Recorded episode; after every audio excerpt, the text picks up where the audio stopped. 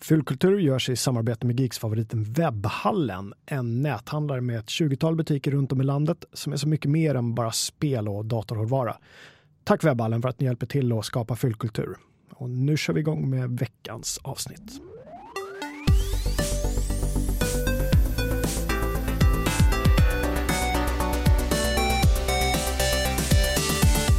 Hej, hallå och välkomna till Fulkultur, den folkbildande och vadå Kalle? Sedelärande. Sedelärande podden från oss på Geeks och redaktionerna eh, bakom eh, 99 Mac, eh, FZ, Sveklockers, VR-geeks också. VR-geeks. Har vi Mm. liksom lagt till stallet lite grann. Avsnitt 25 som sagt. Vi börjar närma oss, det är på upploppet här nu inför årsdagen, men det är nästa avsnitt så att vi ska inte snöa in för mycket på Men det. 25 är ändå en fin siffra. Ja, det är det. Det känns som att det borde vara liksom 25 och så lite sådana här liksom fyrverkerier runt omkring och Ja. En liten grejer. krans kanske. Ja, en krans.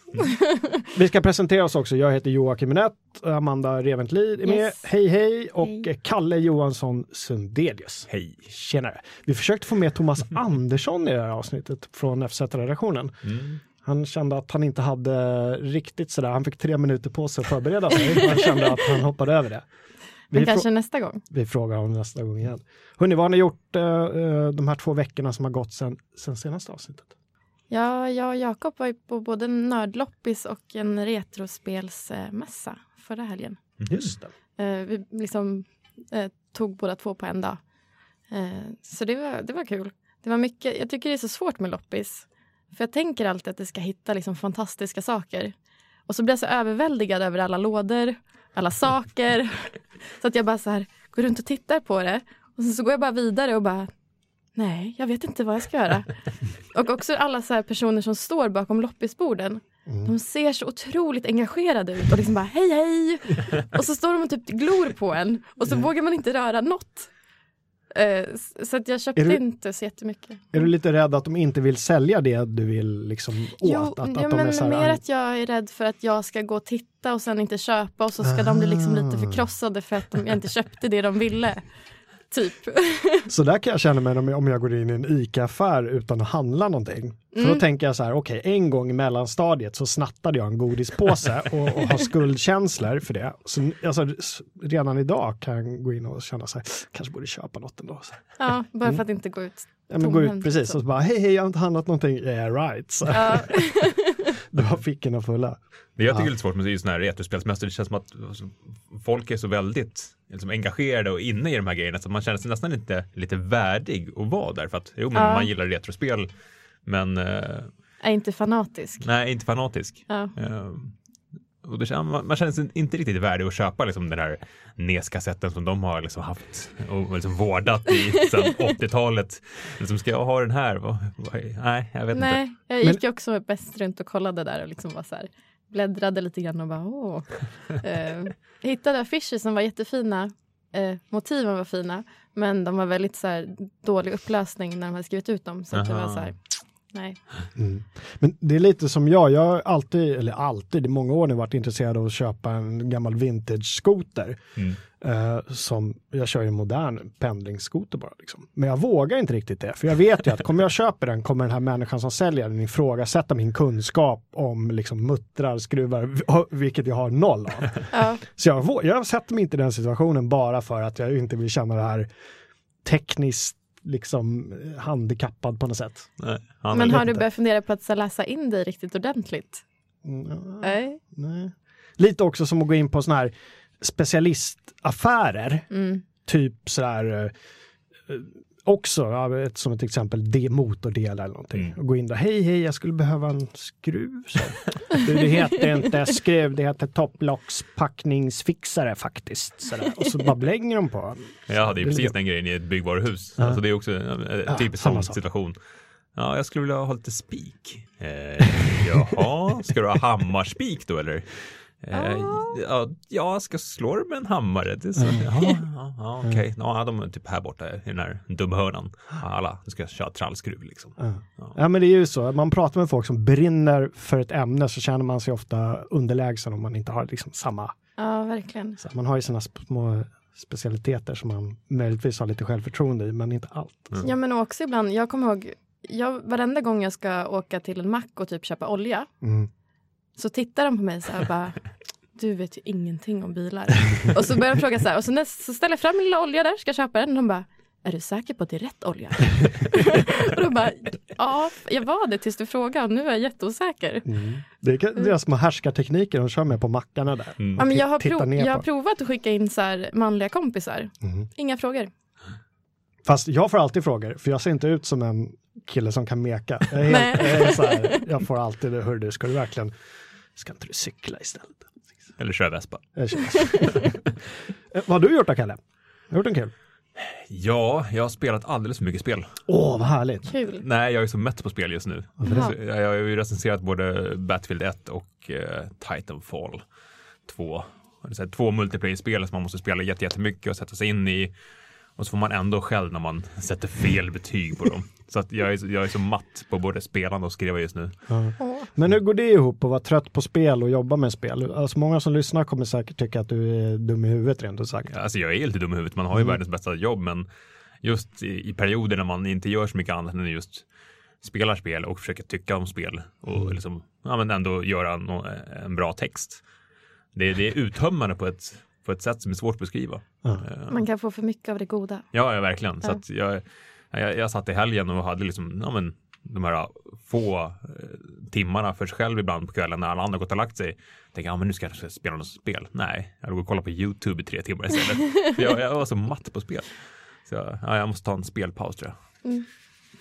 Det är ju okej. Eh, ja, vad jag, jag har ju eh, tittat på väldigt mycket tv-serier och spelat mer spel än vad jag gjort eh, på länge faktiskt. Nästan varenda lunch här på kontoret har jag spelat Battlefield 1 och försökt få folk att spela med, men ingen, ingen, inte ens någon som svarar mig när jag går in med och säger, är det någon som vill köra BF? Så här, tittar de ner i sina, och sen ser jag i Slack-kanalen, "Ah, ska vi lira ikväll eller? Jag vet inte vad det beror på. Alla ni som hör det här, ni får gärna förklara. Är det för att jag är dålig eller är det för att det är så här? Jag vet inte, vad beror det på? Det är när du tar på den eller liksom första världskrigskostymen och sitter och spelar. Det blir så här konstig stämning. Den här spetsiga hjälmen, Ja. så här, tysk 1914. Ja, ah, det blir konstigt. Ja, det blir väldigt märkligt. Uh, hörni, vi spelar in det här samma dag som vi lägger ut det. Idag är det onsdag den, vadå? 9 Nionde borde det november. Och som av en ren slump faktiskt så eh, vaknade vi i morse upp till beskedet att USA har fått en ny president i Donald Trump. Ja. Något som, som eh, många nog inte trodde riktigt var på riktigt. Att han Nej. faktiskt skulle komma så långt. Alltså man kommer ju på sig själv att stå och fnissa och att ja, men, Donald Trump har blivit president, men det är ju Ja. snarare obehagligt. Ja. Jag var liksom mer så här fnissa innan och sen när jag såg siffrorna så typ grät jag. Men snarare så. och jag kommer ihåg, jag gick och la mig igår och bara, nej men alltså det, det kommer ju inte hända. Nej. Eh, och sen så när jag såg siffrorna så här, först på, på mobilen bara, nej men det här måste vara ett skämt. Jag måste ha fått fel länk. Alltså det, här, det, är, ba, det är rött överallt. Ja. Och det var liksom delstaterna som Republikanerna hade tagit. Eh, och, så, så här, satt jag på tvn och bara, nej, det, ja, nej men det, det blev så här då. Mm. Fulkultur är ju verkligen ingen politikpodd, men anledningen till att jag tog upp det här är för att det sammanfaller eh, åtminstone eh, om man ska fråga 50% av USAs befolkning med dagens ämne som är dystopier. Och då la vi ju till lite snitsigt här på slutet och vi pratade om dystopier och lite så här civilisationers förfall. Mm. Och det jag är ute och fiskar efter då lite grann, är, är det något sånt vi ser nu? Ledande fråga, jag vet inte, eller? Ja, alltså verkligen. Sa- samma sak, man satt ju och skrattade åt eh, det här klippet tidigare i veckan där Barack Obama liksom står och skämtar om att men en kille som vi inte ens låter ha sitt Twitterkonto dagarna innan valet, ja, ska han få liksom nycklarna till Kärnvapen. kärnvapnen? Alltså det, det är ju lite obehagligt. Men nu ska jag ska vara lite spetsig nu här. Eh, kan inte det vara lite anledningen till hans stora succé också? Just att, att vi alla har eh, dissat honom ganska hårt och tänkt Mm. vad är det för jävla oaf Mm. som inte ens kan hantera ett Twitterkonto och fortsätter i det där spåret och alla analytiker bara ja, Clinton, klart Clinton kommer vinna. Mm. Och sen så säger folket så här screw you guys liksom. Lite grann. Ja, så är det ju. Alltså, han har ju fått väldigt mycket uppmärksamhet gratis just för att han har ja, men gjort så mycket knasiga saker och Mm. folk har liksom pekat och skrattat. Mm. Eh, hade man hanterat honom liksom på ett normalt sätt och inte gjort Saturday Night Live-sketcher om honom så hade det kanske sett Jag annorlunda tänker mig också att det är en stor del av befolkningen som kanske inte har kollat på de sakerna men som är allmänt missnöjda. Mm. Eh, och Trump lovar nya jobb och de vill ha nya jobb. Eh, och sen struntar de i alla hans jättekonstiga uttalanden eh, och värderingar. Eh, för att de liksom vill ha någon typ av förändring. Sen tycker jag att det är jättelustigt hur man kan gå från typ rösta på Obama till att rösta på Trump. Det hoppet är ju rätt, rätt rejält stort. Mm. Ehm, Men det var väl lite som Obama också, att många kände att han talade till dem. Mm. mm, och han Och propsade ju mycket på förändring. Ja. Ehm, Det blir väldigt intressant att se hur som helst vad, vad Trump gör nu av all den här makt som han faktiskt har fått. Han har ju sagt saker som att eh, bygga murar mot Mexiko, sätt, slänga Hillary Clinton i finkan Mm. och så vidare. Om jag får gissa så tror jag inte att han kommer göra något av de grejerna. Nej. För att nu har han ju fått det han vill. Eh, och förhoppningsvis så har han eh, någon form av partibackning nu när han har blivit president som, gör, som håller honom i schack lite grann. Även om han skulle vilja det så kanske han fattar att Nej, men det var inte realistiskt. Nu har han vunnit de här populistiska rösterna. Det blir spännande fyra år. Mm. Jag tänker mig att de kanske vill ha ett mur åt andra hållet för nu kommer så många amerikaner vilja flytta till typ Mexiko. för de får inte plats i Kanada för Kanada har jättehårda, det är inte superlätt. Precis. Ehm. Kanadas den här immigration-sajten kraschade i natt där. Yes. Läste vi. Och så någon annan skrev på Twitter, det ska bli, det kommer komma väldigt många bra punkalbum de kommande fyra åren. Ja, just Ja, det. just det. Ja, det behövs ju någon, någon sån, en, en dyster eh, världsbild för att punken ska frodas. Ja, lite verkligen. grann. Ja. Lite som i, i England under, ja, vem var det, var det Thatcher, Thatcher där när, när punken var som, Mm, som störst? Eller började, ja i och för sig, hon kom lite senare kanske på 80-talet. Ja. Som sagt, det är inte, ingen politikerpodd här, så att säger vi fel så, så får ni ursäkta oss. Vårt ämne är fulkultur. Hörrni, dystopier, som sagt, är vi på väg in i, en, i någon sorts så här... Kan, kan inte du börja prata lite om vad är en dystopi, Kalle? Ja, alltså vi snackade lite om det om- innan vi började spela in och det känns ju som ett ganska vitt och brett begrepp. Eh, Jag gick in på Wikipedias lista över just eh, dystopiska verk och där fanns bland annat Star Wars Attack of the Clones listat. och, och trean som någon form av mörk framtid där eh, liksom sitt orden tar över och slaktar alla jedi-barn. Det. Eh, Men det handlar väl i grund och botten om en, om en mörk framtid. Sen, eh, du är ganska proppsig på att man ska liksom särskilja det från den postapokalyptiska framtiden. Eh, Alltså en postapokalyps, då har ju världen gått under och på något sätt människorna gör sitt bästa för att eh, reclaima sin plats på jorden lite grann. Medan en, en eh, dystopi är ju bara en liksom, mörk framtidsbild där det fortfarande finns någon form av fungerande samhällsordning. Det gick liksom dystert inte fullt så fel. Som, det gick bara lite fel. det gick bara rätt fel. Inga, inga atombomber inblandade. Ja, Jag tror att många kanske skulle hellre vilja att jorden gick under och vi fick bygga den igen än att leva i någon sorts förtryckande totalitär stat alla 1984 som är en av de absolut mest eh, citerade dystopier som finns. Mm. George eh, Orwells verk från, ja när var det då? 1950 skrev han den. Mm. Mm.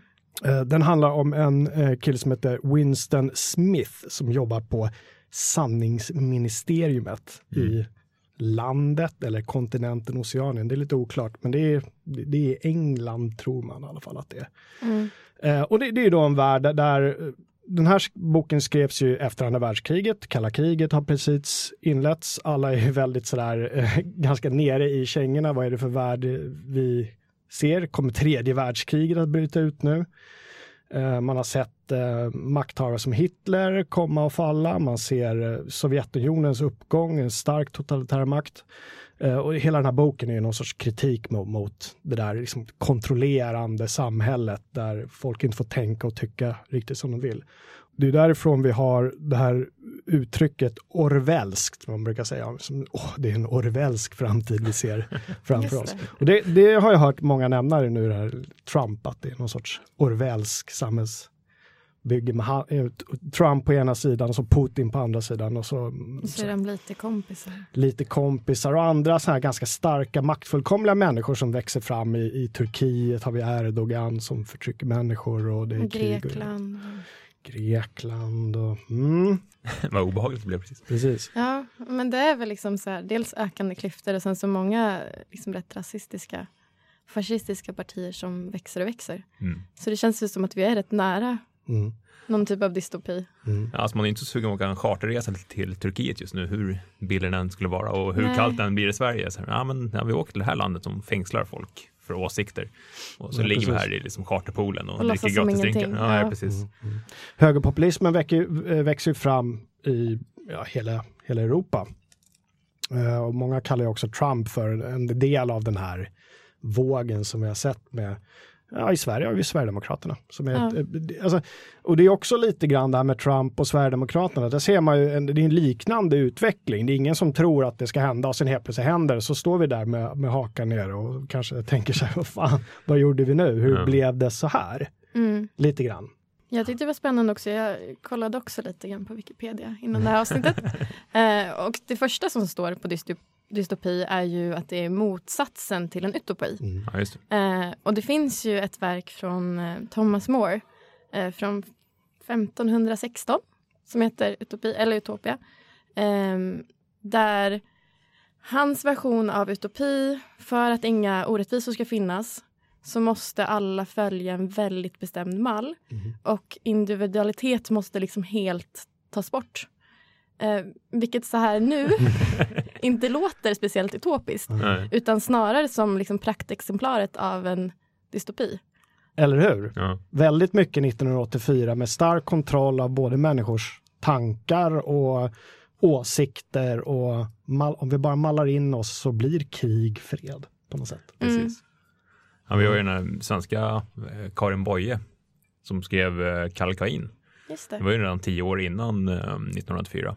När, med sanningsserum också väldigt så här, ja, men totalitärt samhälle. Man hade öron i varje lägenhet och hemhjälpen kunde skvallra på en och barnen skvallrade på en. Och det var liksom verkligen, där, där fanns det inte så mycket utrymme för att inte steka falukorv på en torsdag utan Just det. ja, Återigen kommer tillbaka till Trump, det är 9 november, var inte det ungefär samma datum som Berlinmuren föll? Har jag för mig. Jag föddes ju samma år så att jag har... 89. Men 89 ja. ja. nio, Eh, jag men tror du det var, var väl där på hösten? 9 november, däromkring i alla fall. Det var mörkt och risigt. Och det är ju inte så länge sedan som människor levde i ett sånt här samhälle just där grannar och barn Mm. Skvallrade på en och man kunde fängslas för att man tyckte annorlunda i gamla DDR och Ja. gamla östblocket. Så det är ju Mm. inte så, så långt tillbaka som många tänker ju andra världskriget, men ja, 80-talet, Mm. Kalla kriget tog slut. Verkligen. Återknuta till det där du sa med, med utopi också. Ja. I, i, I mitt huvud på något sätt så är en utopi också någonting som man inte riktigt kan nå upp till. Medan en dystopi känns som vi kan hamna i när som helst lite Och grann. den kan bara bli värre och värre. Ja men lite så, en utopi, det säger också, äh, det där är en utopi. Det kan du väl inte, så kan du inte tänka, det är en utopi att tro så. Ja. det är Lite lite som man använder det ordet. eller hur? Ja. Men också kanske för att just eh, man vet att det alltid, det går ju aldrig, en utveckling går ju aldrig så spikrakt upp utan Mm. det går ju alltid i vågor. Eh, så när man kommer till det bästa då kan det ju bara bli sämre. Mm. Eller liksom, det är, inte, det är inte så positivt eh, på något vis. Mm. Så ligger det kanske lite i människans natur också att, att det, vi kan inte uppnå det perfekta eller det vi tror är perfekt. För vi är inte perfekta. Mm. Nej. Vi är sådana som kan eh, rösta fram Trump. Ja, och Hitler, Och Hitler. liksom det mesta. Kanske inga jämförelser i övrigt, men ändå. Eh, vi tittar på en, en hel del eh, tv-serier också som också kan anknyta till det här med dystopi. Eh, Amanda, du vill ju prata Black Mirror. Ja. Och det är en serie som skildrar teknik ofta, eller hur? Mm. Mycket teknik genom någon sorts framtidsfilter att så här skulle det kunna gå till inom en ganska nära framtid. Och det är Ja. ofta ganska dystopiska bilder de målar upp. Berätta lite om Black Mirror som serie, hur den funkar för de som inte har sett den. Ja, men den är ju nu tre säsonger Mm. eh, och varje avsnitt är ju liksom ett eh, separat avsnitt så de har ingenting med varandra att göra. Det är som massa små noveller eh, som då också så här, de utspelar sig teknologiskt någon typ av framtid men Mm. estetiken är typ 50-tal i de flesta fall eh, med typ 50-talsbilar och sådär. Mm. Ehm, och det är väl hela tiden så här, hur långt kan människan gå? Eh, och vad för hemskheter kan vi utsätta varandra för? är väl liksom det vanligaste temat. Mm. Ehm, och typ så här, vad händer med oss eh, när vi låter samhället liksom växa på det här sättet? Mm. Ehm, Har, har du något avsnitt eh, specifikt som du vill dra upp som exempel? Utan att kanske spoila för mycket. Men du Ja. kan ändå dra lite premisser kanske tycker jag. Det Ja. måste man, och vill man absolut inte bli spoilad då får man väl stänga av i några minuter. Precis. I säsong ett så finns det ett andra avsnittet heter 15 million merits. Eh, som är någon så här, tänk om talang skulle ta över världen. I princip. Eh, det är liksom, man har sina jättesmå boxar där man får leva. Och de är helt, eh, väggar, väggar och tak är liksom skärmar. Eh, där du utsätts för reklam och tv-program och liksom allt möjligt. Och betalar du inte för att bli av med reklamen, då måste du se den. Blundar du, då går ett stort alarm igång och bara du måste öppna ögonen. Och liksom tjuter och är fruktansvärt otäckt. Så. Mm. Och du betalar för allt. Eh, ja, som nu. Men, men du tjänar pengar på att sitta och eh, cykla. Okej. Och motion då, liksom för att man inte... Det är otroligt eh, fettförakt i, den här, i det här avsnittet. Alltså verkligen, du, om du blir för fet eller för ohälsosam, då blir du typ eh, nedkastad till att vara, eh, ha gula kläder istället för, för de grå jag tror de har. Eh, då alla ser ner på dig, man får liksom förolämpa dem på alla sätt man kan Mm. eh, och de får bara gå runt och städa. Eh, Det är någon sorts idol gånger tusen. ja, Liksom. och så kostar det då 15 miljoner merits eh, för att vara med i någon typ av idoluttagning. Eh, och är du tillräckligt bra så tas du in och så får du vara med i de här programmen som alla andra ska kolla på och få bo på typ ett bättre ställe och få på dig andra kläder än grå. Eh, och det är ju så här, det är ju väldigt lätt att skratta åt, Ja. men när man tänker på det är det ju fruktansvärt Ja, verkligen. och obehagligt. Eh, verkligen. Mm. Alltså det är någon sorts, jag för mig att jag har sett det där avsnittet, men det är alltså någon sorts samhälle där de enda liksom meriterna är hur väl du presterar i det här sorts världsomspännande tv-program eller liksom. Ja, precis. Och så finns det också någon sån här, och det är så fruktansvärt, då den här personen det handlar om, han blir liksom förtjust i en, i en eh, ny individ som har kommit till deras liksom, eh, kvarter. Ehm, och han har jätte, jättemycket sådana här merits. ehm, på grund av hans bror, tror jag, som dog och liksom, han fick ärva dem. Ehm, och han hör henne sjunga och blir så betagen av det här att han bara, du kommer ju, om du ställer upp så Mm. kommer du ju vin- vinna allt direkt. Eh, han bara, jag ger dig pengarna. Så här. Hon bara, nej, nej, nej, jag kan inte. Eh, men så får hon det. Eh, och så kommer hon dit och så gör hon den här auditionen. Eh, och juryn bara, mm, du sjunger jättebra. Men du är snyggare än vad du sjunger bra, så vi vill gärna att du ska bli porrskådis istället. Och då är det bara att rätta in sig i ledet eller? Ja, och då har de också, jag vet inte, är lite oklart, men de har gett henne någon dryck innan hon ska gå på för att hon ska bli liksom mindre nervös. Okej. Ehm, och hon står där praktiskt taget och typ gråter eh, och bara, ja, om det det kan bli. Eh, och sen så får man liksom se henne hur hon liksom bara totalt förfaller i, i de här liksom porrfilmerna hon måste medverka i. Och liksom det är jättefruktansvärt eh, obehagligt. Och också så här, inte kanske så långt eller man blir lite så orolig, så här, hur nära ligger det här? I alla de här, man, man ser ju alltid tendenser, det finns ju korn av sanning i alla de här avsnitten, åtminstone de jag har sett. Att, Mm. att mycket av det finns redan idag, fast på en mycket, mycket mindre skala. Och liksom, vad skulle hända om det här eskalerade utom all kontroll? Det du säger får man tänka på ett avsnitt, jag tror det är första avsnittet i säsong tre, som heter Nosedive. Ja, Där det är eh, någon sorts Facebook sociala medier-liknande ja. grej som styr alla människors liv. Att alla interaktioner du gör med andra människor bedöms Mm. instant med någon sorts eh, swipning på de här man kan ge dem mobiltelefonliknande ett till grejerna. fem stjärnor. Precis, så att råkar du stå och vara otrevlig i kön till eh, incheckning på flygplatsen så kan du genast bli liksom nergraderad av både medresenärer och de som jobbar där och sluta med att du inte får inträde till vissa kanske affärer eller flighter eller vad som helst för att du inte Eller har tillräckligt bil. hög poäng. Ja. Eller bil, ja visst. Det måste kan verkligen förstöra ens liv. Ja. Att vara Det- otrevlig. Det där, det där kallade jag dystopi. Många skulle säga att den såg väldigt så här glättig och pastellig ut. Mm. Men gud vad hemskt. Det hela det, liksom Facebookifieringen av, av samhället. Ja, för det var, ju liksom det, de, det var ju det de utgick ifrån. Precis så här, vilka lägenheter man fick, om man fick rabatter. Mm. Eh, vad var ens liksom bedömning låg, vad man fick från andra. Precis, vad är din personliga rating? Ja, verkligen. Det är hemskt också. Ja, alltså, Det- det, grundas ju lite i hur samhället ser ut idag med liksom den individualismen. Att få alla ungdomar vill bli YouTube-stjärnor och Mm. liksom Mm. Instagram-hetsen Mm. och Snapchat. Och liksom. Man ska bedömas hela tiden. Det är individu- individualismen dragen till sin spets. Mm. Samtidigt, det enda lj- ljusa kornet i det där är att alla bedöms lika oavsett vilka de är. Det är på något sätt det är bara det, det, du, det du gör. Mm. Så det är en sorts meritokrati som om man anstränger sig kanske kan hitta någonting positivt med. Men jag vet inte. Man slipper grina gubbar i kön. Precis, Ja. griniga gubbar i kön. Alla är jävligt trevliga mot varandra Mm. istället. Ja, för det var ju en Mm. väldigt, väldigt plastig värld. Eller hur? Det var liksom, alla var ju... Jag kan tänka mig också, men hon försökte också, ibland så försökte hon för mycket Mm. och var för trevlig och fick Mhm. liksom inte högsta betyg för det. Så det var en väldigt så fin balansgång mellan att vara trevlig och vara liksom pålimmat trevlig. Mm. Kunna systemet helt enkelt. Ja, Mm. det var också jätteobehagligt när hon stod och skrattade, övningsskrattade i spegeln Aha. och kollade så här, hur många poäng skulle jag få med att skratta så här.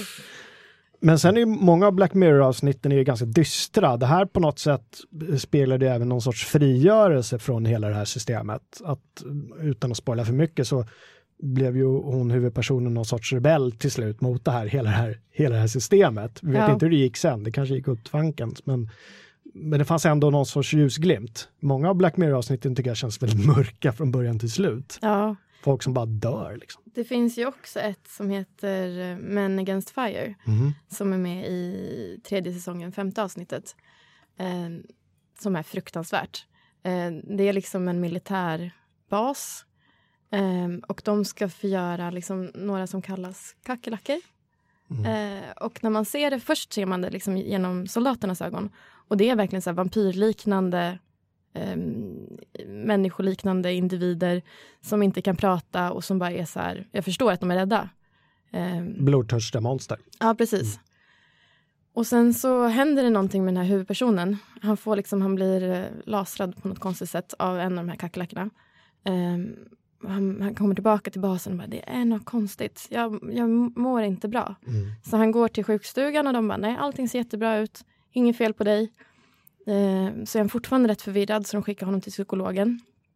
Och psykologen också bara, nej det är alltså inget fel på dig. Så de skickar ut honom igen. Ehm, och han förstör ett helt uppdrag för att han börjar skjuta sina egna för att de försöker skjuta vanliga individer. Mhm. Och så visar det sig att de här kackerlackorna, de är ju egentligen vanliga individer. Det är bara det att staten har programmerat in ett eller satt in ett chip eh, hos alla soldater som gör att de styr allt. Mhm. Alltså dels vad de ser, eh, så att de här fienderna blir, liksom, de avhumaniseras. Mm. Eh, och också så här känsla för empati. Eh, hur man upplever så här lukt. Eh, allt eh, styr de och korrigerar för att de ska bli så effektiva mördarmaskiner som möjligt. Mm. Och det var också sådär, Jag såg en kortfilm, eh, tror det var på Vimeo eller på Youtube för inte så länge sedan om just samma tema. Då var det liksom VR som var grejen, att folk hade VR-headset på sig och liksom lekte soldater i ett, med ett tv-spel, sprang runt och, mm, och sköt. Eh, men sen visade det sig då att som när man väl tog av sig masken så hade de ju varit soldater i, i ett riktigt krig och hade skjutit liksom oskyldiga människor. Men det var liksom en del av, av spelet. De hade blivit tränade att spela spel och sen bli Ja. soldater istället. Också. Obehagligt. och där är det ju, för på många dystopier så är det väl ändå så att mänskligheten har eh, gått för långt och förstört sig själva på något vis. Ehm, och att känslor inte finns och sådär. Mm, Och att tekniken har ballat ur Mm. eh, av sig självt. Mm. Och här är det ändå liksom vi som, eller människor som blir lurade av staten genom teknik. Eh, att göra någonting de inte alls skulle göra. Mm, Precis. Ja, men det är någon sorts, I någon sorts god vilja har människan själva skapat en stat, stat som är allt för, sen blir allt för kontrollerande och växer utom all kontroll lite grann. Kalle och Amanda, jag vill bryta in här också och passa på att påminna om att Fullkultur produceras i samarbete med nördbutiken Webbhallen. Eller hur? Mm. Sen eh, två, ett avsnitt tillbaka nu så har vi en sponsor och det känns ju fantastiskt. Ja, verkligen. De har ju just nu i dagarna, med tanke på allt som, som händer här, ett eh, Survival 2017 Campaign Kit som de säljer, eller hur? Mm. Som vi hittade, det, och det kan man ju googla sig fram Vi länkar ju till det även i vår länklista. Men med tanke på apokalypsen som kommer inträffa här nu då, så kan man ju liksom stocka upp med prylar. Eh, de säljer allt från beef jerky så att man har någonting att tugga på. Mm. Det är väl någon sorts motsvarighet till Fallout 4 iguana on a stick kan jag tänka mig. Fallout 4-spelet kan man köpa där också och eh, hade- du något mer också? Eh, Wasteland är också inte mm, trevlig framtid. Just det, Wasteland. Mm. Det kommer en uppföljare till det också, eller hur? Wasteland 2, Ja, och så, och så har de på att göra en trea nu. precis. Wasteland. Sen har vi Mad Max, inte heller så glad framtid. Det, nu ska det mycket till om Trump lyckas eh, göra en Mad Max-öken av hela USA på fyra år, men ändå. Ändå. Eller hur? Ja. Jag kallade honom för en liten pösig Duke Nukem, ungefär samma typ av människa. Hade du något mer som de hade på sin eh, kampanjlista? Nu är det här ganska mycket humor, men sen hade de ju även spelet Galenpanna. Galenpanna kan man köpa om man, om man sitter och är insnöad någonstans och är deprimerad över att Trump har vunnit valet. Mm, Galenpanna från webbhallen. Mm. Tack webbhallen för att ni hjälper till att sponsra oss. Det eh, betyder jättemycket för oss och vi tipsar såklart alla att gå in och, och kolla på webbhallen efter det vi pratar om i programmet. Mycket finns nog där. Ni hittar ju webbhallen på eh, webbhallen.com eller på ett, tju- i ett 20-tal butiker ute i landet. Viktigt också. Eller kolla länken här så kommer det direkt det här kampanjpaketet. Det finns en, eh, en extremt obehaglig dystopi som de själva i boken kanske skulle kalla för utopi. Det är ju Du sköna nya värld av Aldous Huxley. En bok som skrevs, jag tror det var på 30-talet nå- någonting. Väldigt Mm. sådär. Eh, där han beskriver en värld där reproduktion och sånt inte existerar längre. Mm. Utan alla är bara glada och lyckliga och går till sina jobb. Och man får, lite som du var inne på, man får sina designerade jobb. Mm. Eh, och så handlar det om några huvudpersoner som börjar se igenom hela den här. Liksom. Det är också lite 1984, fast det är en mycket ljusare vision på ett sätt. Det är inte det här våldsamt förtryckande av, av oliktänkande, utan det är liksom, ja men ta ett litet piller och må bra. Mm. Sådär, allting, allting är glatt och, och lyckligt och alla gör samma sak som du sa också. Så. Eh, Den, den är verkligen en, en läsvärd bok, Du sköna nya värld. Det är en sån här som åtminstone förr ingick i kanon man skulle läsa i skolan. Jag vet inte hur det är med det där längre. Jag tror inte den var min eh, kanon. Nej, jag inte igen. Nu är det Harry Potter istället. Ja, eller hur? Det är i och för sig bra. Nej, men jag kommer ihåg vi fick läsa Flugornas herre. Ja, som det också, är rätt Mm. dystopiskt och Mm. eh, barn som blir liksom onda. Ja, jag tror att jag läste ju- Kalka in i skolan just. Men det var en bok som man läste lite för tidigt. Man Mm. hade liksom inte den inblicken i samhället som man har som 20 år senare. Så att, ja, det var väl en, en eh, cool bok som man läste för att Mm. liksom, det var lite häftigt. Men man förstår ju mer av liksom, det som händer i boken idag. Har du testat att läsa om den? Nej, men eh, jag blev väldigt sugen nu när vi började Ja. snacka om just dystopier. Att, eh, Men det är väl mycket av det kritiken som har varit mot, mot den kanon som åtminstone fanns förut i högstadie och gymnasium, att man tvingade på elever att ni ska läsa de här böckerna för att få, få eh, bra betyg mm, och man egentligen inte var mottaglig för det lite, kanske lite djupare, djupare budskapet som fanns. Mm. Och sen har folk inte, som du säger, inte läst om dem Nej. sen. Det är lite synd. Då kanske man ska Jag kan börja tänka med... mig att nu bättre. finns det också väldigt många som bara läser typ Wikipedia-artikeln Mm. om boken. Eller hur? ja, men det är lite samma sak med, med Clockwork Orange. Det är också en sån här film som jag såg Ja. när jag var liksom, ung tonåring eh, hemma hos en, en kompis pappa för att liksom, det var ingen som kollade vad vi kollade på där utan det var liksom det som var grejen den helgen. Vi skulle kolla på Clockwork Orange, äta liksom, hembakade chocolate chip cookies. Men, och wow, ultravåld, lite naket. Eh, det var jättehäftigt när man var liksom, ung. Men eh, den har ju också ett ganska, liksom, ganska den mörkt är, djup. Den är verkligen dystopisk. Ja. Och också inte i en så här avlägsen framtid så att det känns ogörbart. Eh, En film som bygger på en bok av, var det Anthony Burgess som skrev ett en apelsin med urverk från början? Clockwork Orange.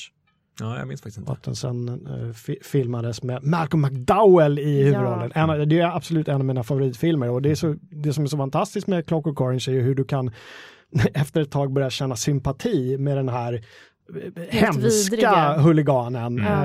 eh, huvudpersonen och hans gäng som begår mängder med eh, riktigt hemska brott, Mm. mord bland annat. Mm. Men också hur han blir ett eh, offer för det rättssystem och vad de tror behövs för att man ska bli en frisk individ. Precis, den här Det är ju indoktrineringen. eh, Den är ju vidrig Ja. eh, också. en berömd scen där, där huvudpersonen efter att ha fängslats tvingas då sitta i en, en stol med uppspända, fysiskt uppspända ögon som man inte kan stänga och titta på våldsfilm egentligen för att på något sätt bli programmerad att må illa av våld. Mm. Samtidigt som man hör mm, Beethoven va? Mm. Som han ju älskar. Ja. Och som sen blir liksom världens trigger. Mhm. Eh, som är helt fruktansvärd. Clockwork Orange rekommenderar vi alla att både läsa och se. Ja, Faktiskt. verkligen. Ja. Ja, då måste jag nog läsa boken också. Det finns ju också en eh, som jag såg, på tal om att se filmer för tidigt.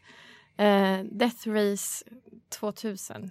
Har ni sett den? Mm, nej, Nej. Nej? den Eh, låter väldigt bra. Ja, alltså det är ju vad, då är, den är väl inspelad någon gång på 60-70-talet. Ehm, och det här är då 2000. Eh, och då har man kommit på eh, ett eh, bilrace som går ut på att dels ska du köra fort såklart. Men du ska också döda så många människor som möjligt under tiden. Och ju oskyldigare de är, ju högre poäng får du. Ja, det låter ju Så rimligt. liksom en skolklass med sjuåringar, full pott. Mhm. Eh, och de har liksom olika saker på sina bilar för att kunna vara så effektiva och döda som möjligt. Och det är ju också så här helt bisarrt. Eh, och just också att det skulle ha hänt för, ja men inte som det för några år sedan. Ja, Mm. Och att det var liksom, så här, det här kommer vi ha gjort 2000. det här är framtiden. Eh, döda barn. Bil. Ja. En, en film som brukar tas upp i dystopisammanhang är ju Blade Runner. Jag, jag brukar alltid ställa mig lite frågande där, för jag på något sätt tycker den verkar ganska mysig i den här världen. Men det är väl bara för att man ser den i vissa välvalda så att säga, delar. Ja. Men det verkar ju vara någon stor förtryckande företagsstat som de lever i. Lite oklart. Har du forskat någonting i det där, Kalle? Nej, inte särskilt mycket. Men det, det känns, en del så är det just det att alltså, man, man får inte veta så mycket om världen egentligen. Man vet bara att folket är förtryckt, men man, liksom, den, den stora, liksom, hur allting fungerar runt omkring är ganska liksom, höjt i dunkel. Mm. Och det gör ju på något sätt ännu obehagligare för att man inte förstår samhället. Man vet bara att det är, fucked up. Ja, men jag tänker mig att just här, den vanligaste dystopin är väl eh, en förtryckande stat. Mm. eh, och teknologi som liksom verkar åt staten. Eh, men sen så finns det ju de här där bara så här, mänskligheten har varit eh, rent ut sagt dum Mm. och så har det blivit en dystopi. Eh, som till exempel Wall-E. Ja, just det. Som är väldigt, det är en väldigt gullig film, men det det är liksom, människorna har ju slutat kunna vara på sin planet. Dels för att de har förstört den, av att de har liksom inte brytt sig om miljön, eh, slängt för mycket saker, inte kunnat ta hand om den. Sen har de också rört sig så lite så att de har typ inga ben kvar i kroppen. Så de åker runt i små stolar för att de kan liksom inte ta sig själva någonstans. Det är en fin gräns mellan, eh, mellan en dystopi och en postapokalyps Mm. på något sätt lite grann. Eh, ett verk som eh, kom in i huvudet nu, det är ju Judge Dredd, brända Mm. serietidning som även har blivit några halvkassa filmer. Ja, en rätt bra film faktiskt. En dålig med Sylvester Stallone, en bra med Med Karl Urban. Karl Urban. Ja, Mhm. precis. Och Lina Headey också som är Cersei i Game of Thrones, eller hur? Hon, Ah, ja. har den, hon Just är det. boven i den filmen. Men, men där är det ju, det är ju verkligen en dystopi. Visserligen har jorden på något sätt eh, inte gått under, men den har förstörts i ett kärnvapenkrig. Men mänskligheten har ju återuppbyggt det och bor i stora liksom, megastäder. Men för att kontrollera det här, som, eh, alla människor som, som finns där, miljarders, miljarder, miljarder, så har de infört något rättssystem där med, med judges då, som är då Mm. domare och bödlar och poliser i ett, så att säga, Mm. som har all lag i sina händer. Det är en sorts dystopi, postapokalyps mixat lite grann. Ja, gränsen är ju ganska oklar ibland. Det låter lite som den här Wall-E också, att det är någon sorts här fin gräns där. Ja, ja men precis. De har, precis för de har, det har ju gått lite för långt. Mm. Eh, och de har liksom blivit lite för ofunktionerande och eh, jorden har gått sönder lite för mycket för att det ska bara vara en dystopi. Ja. Eh, men det är liksom ändå ett, som ett resultat av en dystopi som, som blev. Men sen finns det ju också den här eh, Idiocracy. Komedi. Den, den såg jag nämnas idag, Ja. tidigare, men jag, jag vet ingenting om den. Eh, Berätta. det, är ju, det, det går ut på att smarta människor de föder färre barn än dumma människor. eh, och eh, tiden har sin gång. Jättemånga dumma människor föds. Jättefå smarta människor föds. Mm. Till slut har vi en population av bara jätte, jättedumma människor. Mm. Oj. Eh, så att hela världen är fylld av idioter. alltså inte bara så här, jag gillar rasism, eller liksom, utan verkligen så här, dumma i huvudet. Mm. Eh, och så tror jag att det är, jag tror det är, huvudpersonen tror jag fryses ner och ska liksom bevaras för fram, han ska liksom, så han vaknar upp där, fullt, en värld full av idioter. Och han är Och normal han var, liksom, smart. ja, eller? han var liksom på gränsen till under normal Ja, ja. smart när han frystes in. Och nu är han ju rena geniet. Alltså han är så smart att de vet typ inte vad de ska ta vägen. Han vet typ vad ett plus ett är. Mm. Oj. Eh, och den här världen då, eh, de håller ju på att eh, förstöra sig själva för att ingenting växer. Nej. Eh, för att jag tror att de eh, vattnar alla sina grönsaker med läsk. för det finns inte vatten, för det finns bara läsk, för det är godare. Ja. Eh, den är ju också väldigt sådär, Mm. dumheten har förstört oss. Ja, Eh, verkligen. och det har liksom bara råkat hända. Det har inte varit en stat som har gått in och bara nu ska vi, vi ska kontrollera er. Mm. Utan det är bara människor som har haft sin gång på något varför evolution. slutade de smarta människorna att göra barn då?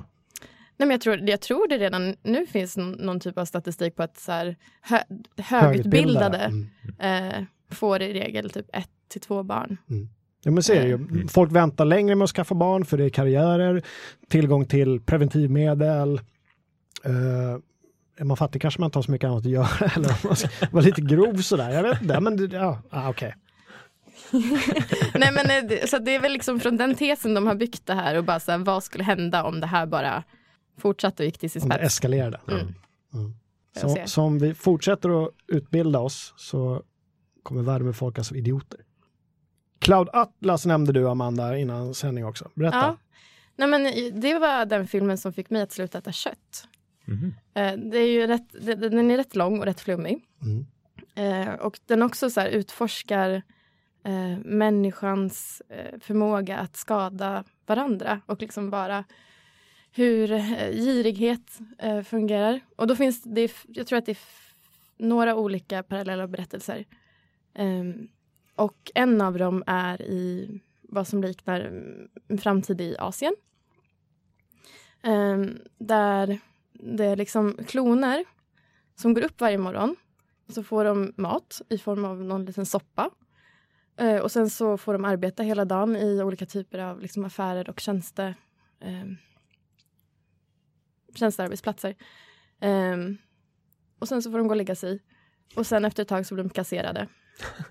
eh, och sen så får man reda på att det är någon av de här som liksom får ett mer öppet sinne, slår sig fri, eh, försöker fly. Eh, och samtidigt som hon försöker fly så råkar hon komma in i en stor byggnad där alla de här kasserade kronorna pressas ner till en smet och blir soppa. Mm. Eh, och de verkligen så här hänger precis som så här grisar som man hänger upp i så här köttkrokar. Mm. Så hänger alla människor, i, eller de här klonerna, i olika ty- typer av liksom köttkrokar och bara åker in på ett band och mals ner och skickas iväg och så får de liksom äta varandra på något Oj. sätt. Det låter lite som den där, om det var en film eller bok från den där Soylent Green. Ringer någon klocka där, Kalle? Ja, alltså jag såg det namnet flytta förbi just när man Soylent. Green. Jag för mig också där att det slutar med att de typ så här åt människor. Ja. Men där är annars vanligt eh, återkommande tema i dystopier att det är så här torftig mat. Ja. Det är liksom så här, man äter ett piller och då får man liksom all näring man behöver och så kan man liksom vara en effektiv medborgare i det totalitära samhället. Eller så är det så dystert man- att man måste börja äta varandra. Ja, Ja, precis. För att det, det man har förstört alla möjligheter till mat. ja, som The Road till exempel, som också är riktigt. Den är också lite postapokalyptisk, Mm. men det är ändå ett samhälle som försöker fungera, men där är de som är starkast vinner och typ äter upp varandra. Ap- Apropå The Road så såg jag en film igår, eller började se en film som heter Stakeland, Mhm. som är någon sorts lågbudgetrulle.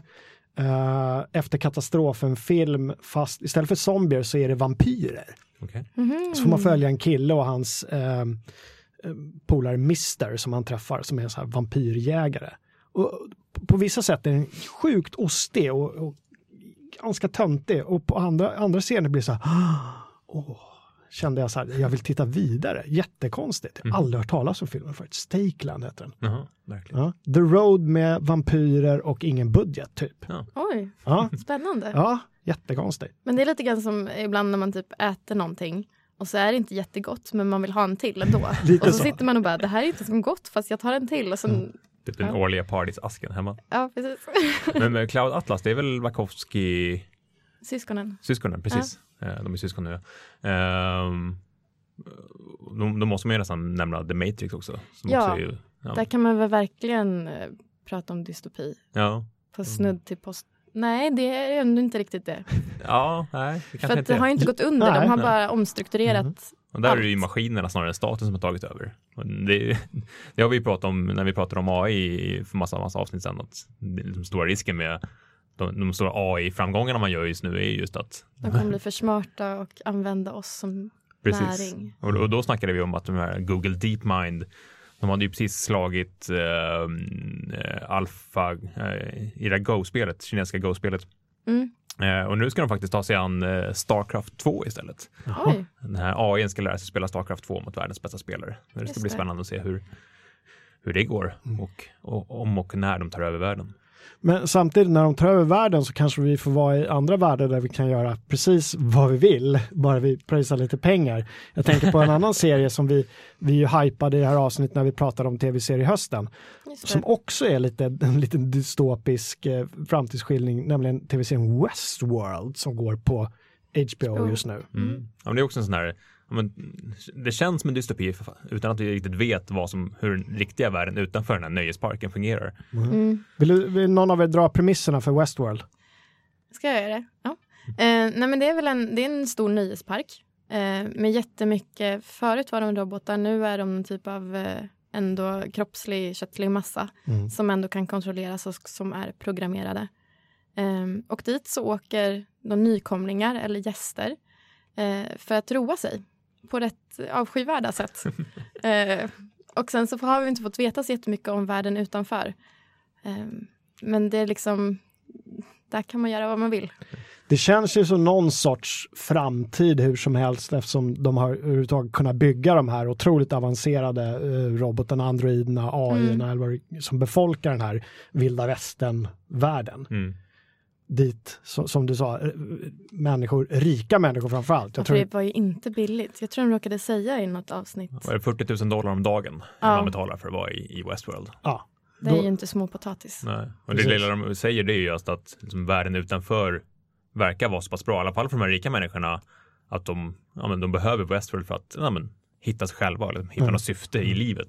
Då måste det vara ganska gött utanför, för just de som är rika i alla fall. Är det inte till och med så att en av eh, personerna som vi ser just nu i alla fall, det, allt verkar ju kunna hända, den här, hända i den här serien, men som verkar vara en riktig skurk, Ja, en av just det. gästerna, the man in black, Mm, med stor hatt. med stor hatt, ja precis. Att i, I något avsnitt så sades det att han var någon sorts filantrop på utsidan som var en sån här do-gooder. Ja. Eh, Mhm. så här, det, ja, men det var någon annan gäst som kom fram till honom och han bara “stör mig inte, jag är här på semester”.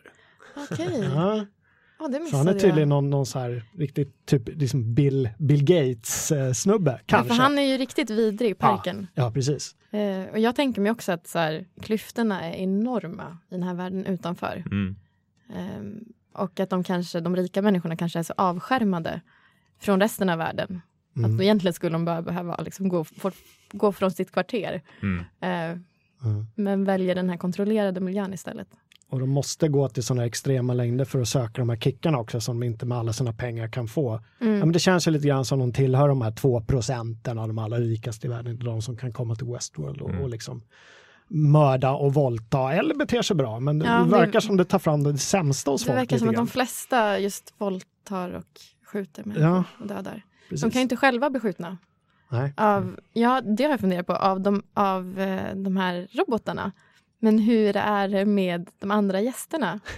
Ja, det diskuteras ju det där hur, liksom, hur de här uh, ammunitionen funkar. Ja, Och de verkar ju, robotarna verkar vara programmerade att liksom de en sån kula på sig så ska de sprängas lite extra. Det blir lite, Mm. lite överdrivet med filmning i fotboll ungefär. Eh, men samtidigt om man då tar fram en kniv istället, Mm, vad precis. händer då? Men då är är robotarna viss- tydligen programmerade att inte kunna, det är bara någon som kan ta upp en kniv. Typ en så här skogshuggare det. kan ta upp en yxa men inga andra kan göra det. Ja, men jag tänker, om Ja, vi tänker om gästerna liksom begår knivbrott på varandra. Ja men det kan man ju aldrig skydda sig mot Nej. vare sig Nej. där eller ute i vanliga världen på något sätt. Det, det är inget som... Men också att eh, ibland så är det lite svårt att se vem det är som är robot och vem som är människa. Ja, Ja just det. Jag skulle vara rätt förvirrad eh, om jag kom in kan dit jag och bara... dig eller inte? Ja men precis, så här, hur dödlig är du? Mm. Men det är en del av spänningen tycker jag också, att, att det kanske till och med finns, eh, alltså det man får följa om vi ska dra lite, ytterligare lite premisser är ju dels händelserna i den här parken med gäster och, och värdar då som Mm. är robotar, hur Mm. de interagerar och hur det startas om varje morgon och så vidare. Sen får vi även följa spelet bakom kulisserna så att säga med tekniker och hela den här organisationen som sköter den här nöjesparken, Mm. hur det funkar och intrigerna där.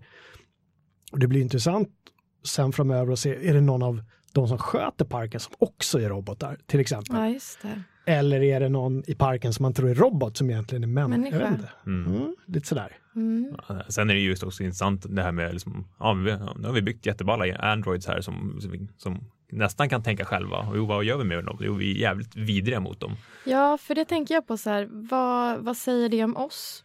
Mm. Och just det här att så här, det vi använder robotarna till, alltså anledningen till att folk vågar göra så här mot dem och inte liksom lägger sig ner och gråter för att de har dödat 50 människor, Mm.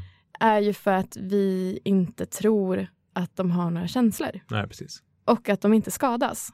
Och det finns inga konsekvenser. Och att det är liksom ett det snarare än en, en liksom levande individ. Mm. Ehm, och det tycker jag är så spännande just det här med så här, för att också i de flesta dystopier, jag tycker att det känns som att det staten alltid vill åt är att kontrollera folks känslor. Mm.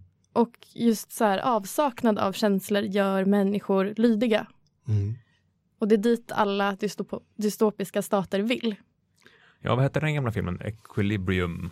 När man just tog knark för att undertrycka. Den liksom. med Christian Bale. Ja, precis. Ja, den är ju väldigt bra. Ja. Det där är intressant, det återkommer de ju ofta till i den här 1984 som jag nämnde. Där använder de ju en sorts nyspråk för att människor inte ska ha språket att uttrycka känslor ordentligt Mm. och förtrycker känslor på så vis. Mm.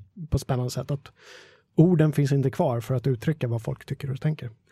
Så jag såg en intressant tanke kring just det här med att eh, ja, men androiderna i Westworld känner och tänker, de verkar ju liksom känna smärta. Ja, Varför programmerar man inte bara de här androiderna på att vara väldigt bra skådespelare så att de liksom kan spela att de har, nej men vi, vi programmerar dem så att de faktiskt har riktiga känslor. Så att de i alla fall uppfattas som att de, har- att de har riktiga känslor. ja just det. Istället för att göra dem till skådespelare som ja, låtsas av det här gör jätteont. Mm. Liksom, Ja, att de, att de, de lider på riktigt ja, fast de är robotar. precis. Ja, precis, för de har ju ändå känsel, det är ju programmerat. Ja, de är ju ganska avancerade. Ja, Och det är väl det man ser hända nu, liksom vad, vad händer när de får nog helt enkelt, utan att spoila för mycket. Men är den bra då? Den har ju hyllats den här Westworld. den är jättebra. Ja. Det är jag, den är ju, eh, vissa har pratat med tycker att den är lite långsam Mm. och att så här, de första avsnitten var ingenting man fastnade för. Eh, men att det typ nu har börjat ta fart. Men jag älskar ju eh, serier som är rätt långsamma och suggessiva och där man liksom anar att något ska hända. Och det här krypande är egentligen mer spännande än när det blir explosioner. Mm. Den är rätt rörig. Hur tycker ni att man ska ta, sig- ta sig an den? Om man, ska man bara hoppa in i det och låta allt som händer händer eller ska man försöka lista ut saker och ting? Hur ska man... eh, Alltså, det det, kanske? jag, jag är lite dubbel med det där. Alltså, jag, har ju, jag har ju gått all in vad det gäller liksom läsa på på Reddit vad det gäller liksom teorier om vad som händer i... Du sitter hemma i din foliehatt och, och Ja, ja absolut. Alltså, jag sitter och liksom kollar över skärmdumpar som jämför liksom, saker med varandra. Jag vill inte säga för mycket för då kanske folk som blir spoilade. Mm. Eh, men samtidigt är det ju det, det är ett sätt att se på serien. För då sitter man ju verkligen där och liksom verkligen granskar allting. Vad är, vad är det som egentligen berättas i det här? Eh, Försöker lösa pusslet på något vis. Ja, eh, och många argumenterar för att den här serien kanske nästan hade varit bättre att köra, liksom, köra Netflix-stilen. Att ja, men här är alla tio avsnitt på en gång. Mm, Så man bara det. plöjer igenom dem och inte hinner tänka efter så mycket. Mm. Då tror jag att man kanske hade haft större behållning.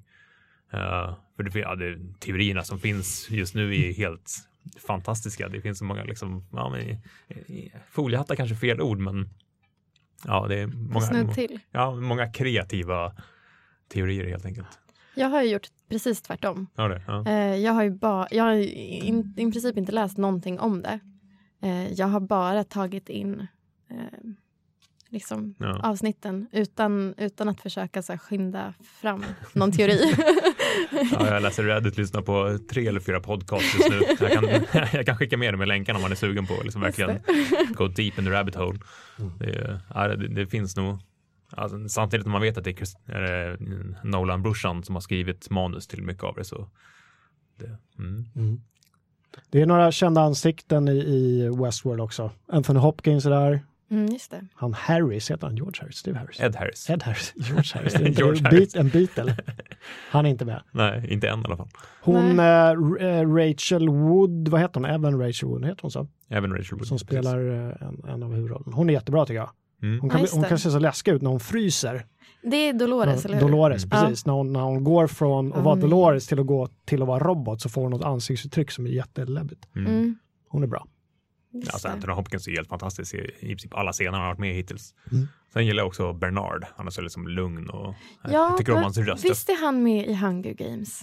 Ja, det kanske ja. han är. som den här, eh, han som är så smart eh, i andra filmen tror jag det ja. Eller andra boken också. Det är också ganska eh, dystopisk. Den är eh, också en dystopi som jag faktiskt har på min lista här. Mm. Eh, det är vi, ju väldigt kontrollerande stat. Som... Vi kan väl gå in på Hunger Games. Jag ska nämna bara att Westworld bygger på en, en långfilm från 1973 Mm. Som också handlar om, men då var det mer robotar, det var inte så mycket AI, det var robotar med ansikten, människoansikten. Men, har ni sett den? Jag har inte sett den, men jag måste Nej. göra det, för ja. en gammal ful kulturfavorit, Joel Brunner är med där och, spelar, ah. spelar The Man in Black. Där. Så, Det måste vi se. Finns mm. säkert på YouTube, så inte få honom ett dugg. Nej, det ja. Hunger Games, Amanda, ja. där har du ju en både postapokalyps på något sätt och... Ja, men samtidigt så har ju liksom inte världen... världen har inte gått har under. För, nej, precis. Nej. Utan man har ju bara sett, hittat olika sätt att kontrollera den. Eh, genom de här eh, olika zonerna. Mm. Eh, för första är det ju liksom eh, huvudstaden. Mm. Eh, och sen så runt om så går det som liksom ringar. Jag har inte riktigt fattat hur det här hänger ihop geografiskt. För jag fattar liksom inte vad som finns bortom ah. de här zonerna. Eh, för det är inte helt ringar runt, det är mer som liksom, bluppar mm. eh, ifrån varandra. Eh, och de har ju anordnat de här hungerspelen för att kontrollera de olika eh, zonerna. Eh, som där då massa barn eh, får träffas och döda varandra. Fullkomligt rimligt. Ja, det är lite så, battle royale över det hela. Ja, det är det verkligen. Det, den såg jag ju före mm. Hunger Games och verkligen så här Även om de är rätt olika så är de ju också väldigt lika. Mm. Eh, men det är ju också just det här, den är ju hoppfull ändå. Eh, även om kanske slutet inte är superhoppfullt. Eh, men där är det ju verkligen så att staten kontrollerar eh, människorna genom att liksom sätta dem i skräck. Verkligen. Ja. Och så är det lite så här, lite gamla romarriket att mm. liksom blod och gladiatorspel för nöjes skull för att hålla liksom massorna i schack lite grann. Känns ja, som. verkligen. Och just att, så här, för de blir ju också, de här barnen blir ju också avhumaniserade för att de i huvudstaden tycker det här är kul. Mm. Alltså verkligen. De, de eh, roas ju av det här och tyck, jag tror inte de förstår egentligen vad som händer. Um, alls. Nu har jag bara sett en av filmerna. Uh, men man kan väl tänka också att Alltså, de, de får väl något pris om de vinner, får de inte det? Ja, ja de får jättemycket pengar och ja. de får ett, eh, en bostad och de, deras familj kommer liksom leva lyckligt lyckligt i, i alla sina dagar för att de behöver aldrig någonsin jobba eller anstränga sig på mm. något sätt. Um. Ja, då kan man ju fundera på liksom hur, hur, stora risker skulle man själv ta för att liksom nå de här målen när livet är rätt pissigt i övrigt. Men också så här när du inte själv kan, alltså de här barnen är ju typ från 12 till 18 eller någonting sånt. Mm. Um, tänkte jag vara förälder och bara, mm, mitt barn ska dö. Heja dig, hoppas det går bra. Hur många filmer är det nu? Det är, det är fyra, men Aha. det baseras ju på tre böcker. Okay. Men är den avslutad, den filmsviten nu? Eller mm. kommer det, ja, det, är den. det är den. Jag tror inte jag har sett sista där. Nej, den är, det blir liksom lite hemskare hemskare till snudd på pajasvarning till slut. Ja, okay. Men Fortfarande väldigt, väldigt bra. Både också som eh, i bokform. Mm. Väldigt bra. Hungerspelen, The Mm. Hunger Games. Yes. Du har läst böckerna och Ja, sett filmerna. jag såg första, eh, första filmen. Sen så plöjde de en sommar, Mm. eh, alla böckerna. Om man vill- ge sig in där, vad ska man börja? Vad, är det böckerna som gäller? Eller? Jag tycker alltid man ska börja med böckerna egentligen. Men också inte bli så här förfärade över att de inte stämmer utan mer se dem som ett, filmerna som ett komplement till Mm. böckerna. Mm. Eh, Men väldigt lättläst. Alltså så, här så att man bara vä- vill näm- vända sida hela tiden. Ja. All right, vi börjar närma oss timmen, men som vanligt tycker jag att vi tipsar vidare lite på slutet också. Jag vet att Amanda, du hade en, en diger lista dystopier med Ja, ja. bra. Men ta en till då, så kanske du kan köra sen. Eh, jo, men jag har en som heter The Island. Ja. Eh, som är någon Bra. sån här action science fiction eh, med Ewan McGregor och Scarlett Johansson. Och också det här, inte bara så här vi gör robotar för vår egen nöjes, utan vi gör kloner för att vi ska kunna ta deras organ. och då är de ju liksom, de är ju fullt fungerande människor. Eh, som vi bara skördar. Mm. Den är också väldigt otäck. Okej, de växer upp på den här ön och sen Och fattar inte heller att de är kloner och att deras syfte är att liksom att folk ska ta deras organ, utan Mm. de tror ju att de är individer som vilka andra som helst. Mm. Och just när den lögnen eh, liksom uppdagas så blir det ju rätt spännande. Johan, eh, Scarlett Johansson sa det Mm. på mig också. Just. Precis. Ja, men jag har för mig att den, den är ganska snygg också. Den är väldigt snygg. Ja. Stilig. Kalle, hade du något mer att... Ja, jag tänkte på Brazil Just. av eh, Terry Gilliam. Det är ett typiskt exempel på ett ja, men totalitärt samhälle. De jobbar liksom på ett tråkigt kontorslandskap. Eh, och sen, jag tror att det blir fel på någon skrivare så att de börjar skriva ut fel saker. Mhm. Eh, och någon terrorist jagar. Så jag, jag minns inte hela handlingen, men jag minns bara att det var så här, ja men också kanske en film som man också såg när man var lite för ung för att inte förstå. Just då var det bara en häftig film och jag gillade Monty Python väldigt mycket. Så att Mm. Terry Gilliam måste ju vara bra. Michael Palin är med också. Ehm, men det som är lite intressant med den det är ju att eh, när filmen skulle skeppas iväg så distributionsbolaget Universal tyckte att slutet var så pass mörkt och hemskt. Eh, så att de tog i princip ifrån rättigheterna från Terry Gilliam sin egen film och klippte om slutet. Oj, Så att det blev mer lyckligt. jaha. Eh, Så att man har en film som handlar om liksom en fascistisk stat och så går liksom filmbolaget in och gör en ganska fascistisk grej och liksom därifrån hans kreativa utrymme och klipper om filmen. Så att Till något bli, helt annat. Ja, så att den ska bli ett glatt slut istället för det ganska mörka slutet som, som Terry Gilliam hade tänkt och som också går att få tag på idag. Där, Ja, där, ja, det är inte alls lika glatt, nej. men eh, ett, ett starkt tips. Terry Gilliam är ju ganska galen överlag. Det är väl han som har gjort 12 vapnens armé också. Mm, som också är något av en dystopi. Dystopi, Ja. ja. Där, vad, vad är det som händer i den? Det är något... eh, det kanske vi spoilar om vi säger. Nej men de har väl gjort, ehm, de har väl hittat ett sätt att göra apor lika, lika intelligenta som människor. Mm. Och sen tar ju de över. Mm. För de har inte blivit behandlade speciellt bra innan. Eller liksom. Eh, Kan också vara Brad Pitts sista bra roll. Jag, jag tycker inte om Brad Pitt speciellt mycket, men jag tycker han är, han, men den gjorde. han är bra på att spela galen där. Ja, just det. Ja. ja, men där finns väl en från, dels från 70-talet och sen en ny. Finns en ny? Nej, det finns väl en serie? Gör det inte det? Ja, Den har jag faktiskt inte kollat på. Det är en sån här serie som jag tänkte att ja, men den här måste jag kolla på Ja, någon på gång. Netflix har jag för mig att det finns. Ja, den har väl gått i flera jag säsonger Inte har gett mig in i. Nej, men jag har för mig att folk säger att den är hyfsat bra. Ja. Är det inte någon sån här tidsresan och grejer med i 12 vapenens armé också? Jo, det är det. mig? Ja, det är det. ja just det. Ja, nej men ja. Eller Nu bland... tänkte jag på en annan. Du tänkte på... Jag tänkte på apornas planet. Apornas Just planet. Det har jag pratat om fel på. apor så som mycket avgör. Jag står bara och apor. håller med. Ja, det- just det. 12 vapenens armé, just det, den handlade ju Men om, det det är var väl något Bruce virus. Willis i 12 vapenas armé, inte Ja, precis. Han- ja. Brad Pitt. Han är också med ja. Brad Pitt och Ja, Bruce just Willis. De Den reser väl i tiden för att förhindra en eh, stor katastrof. En, Ja. stor, en stor terroristattack. Just det.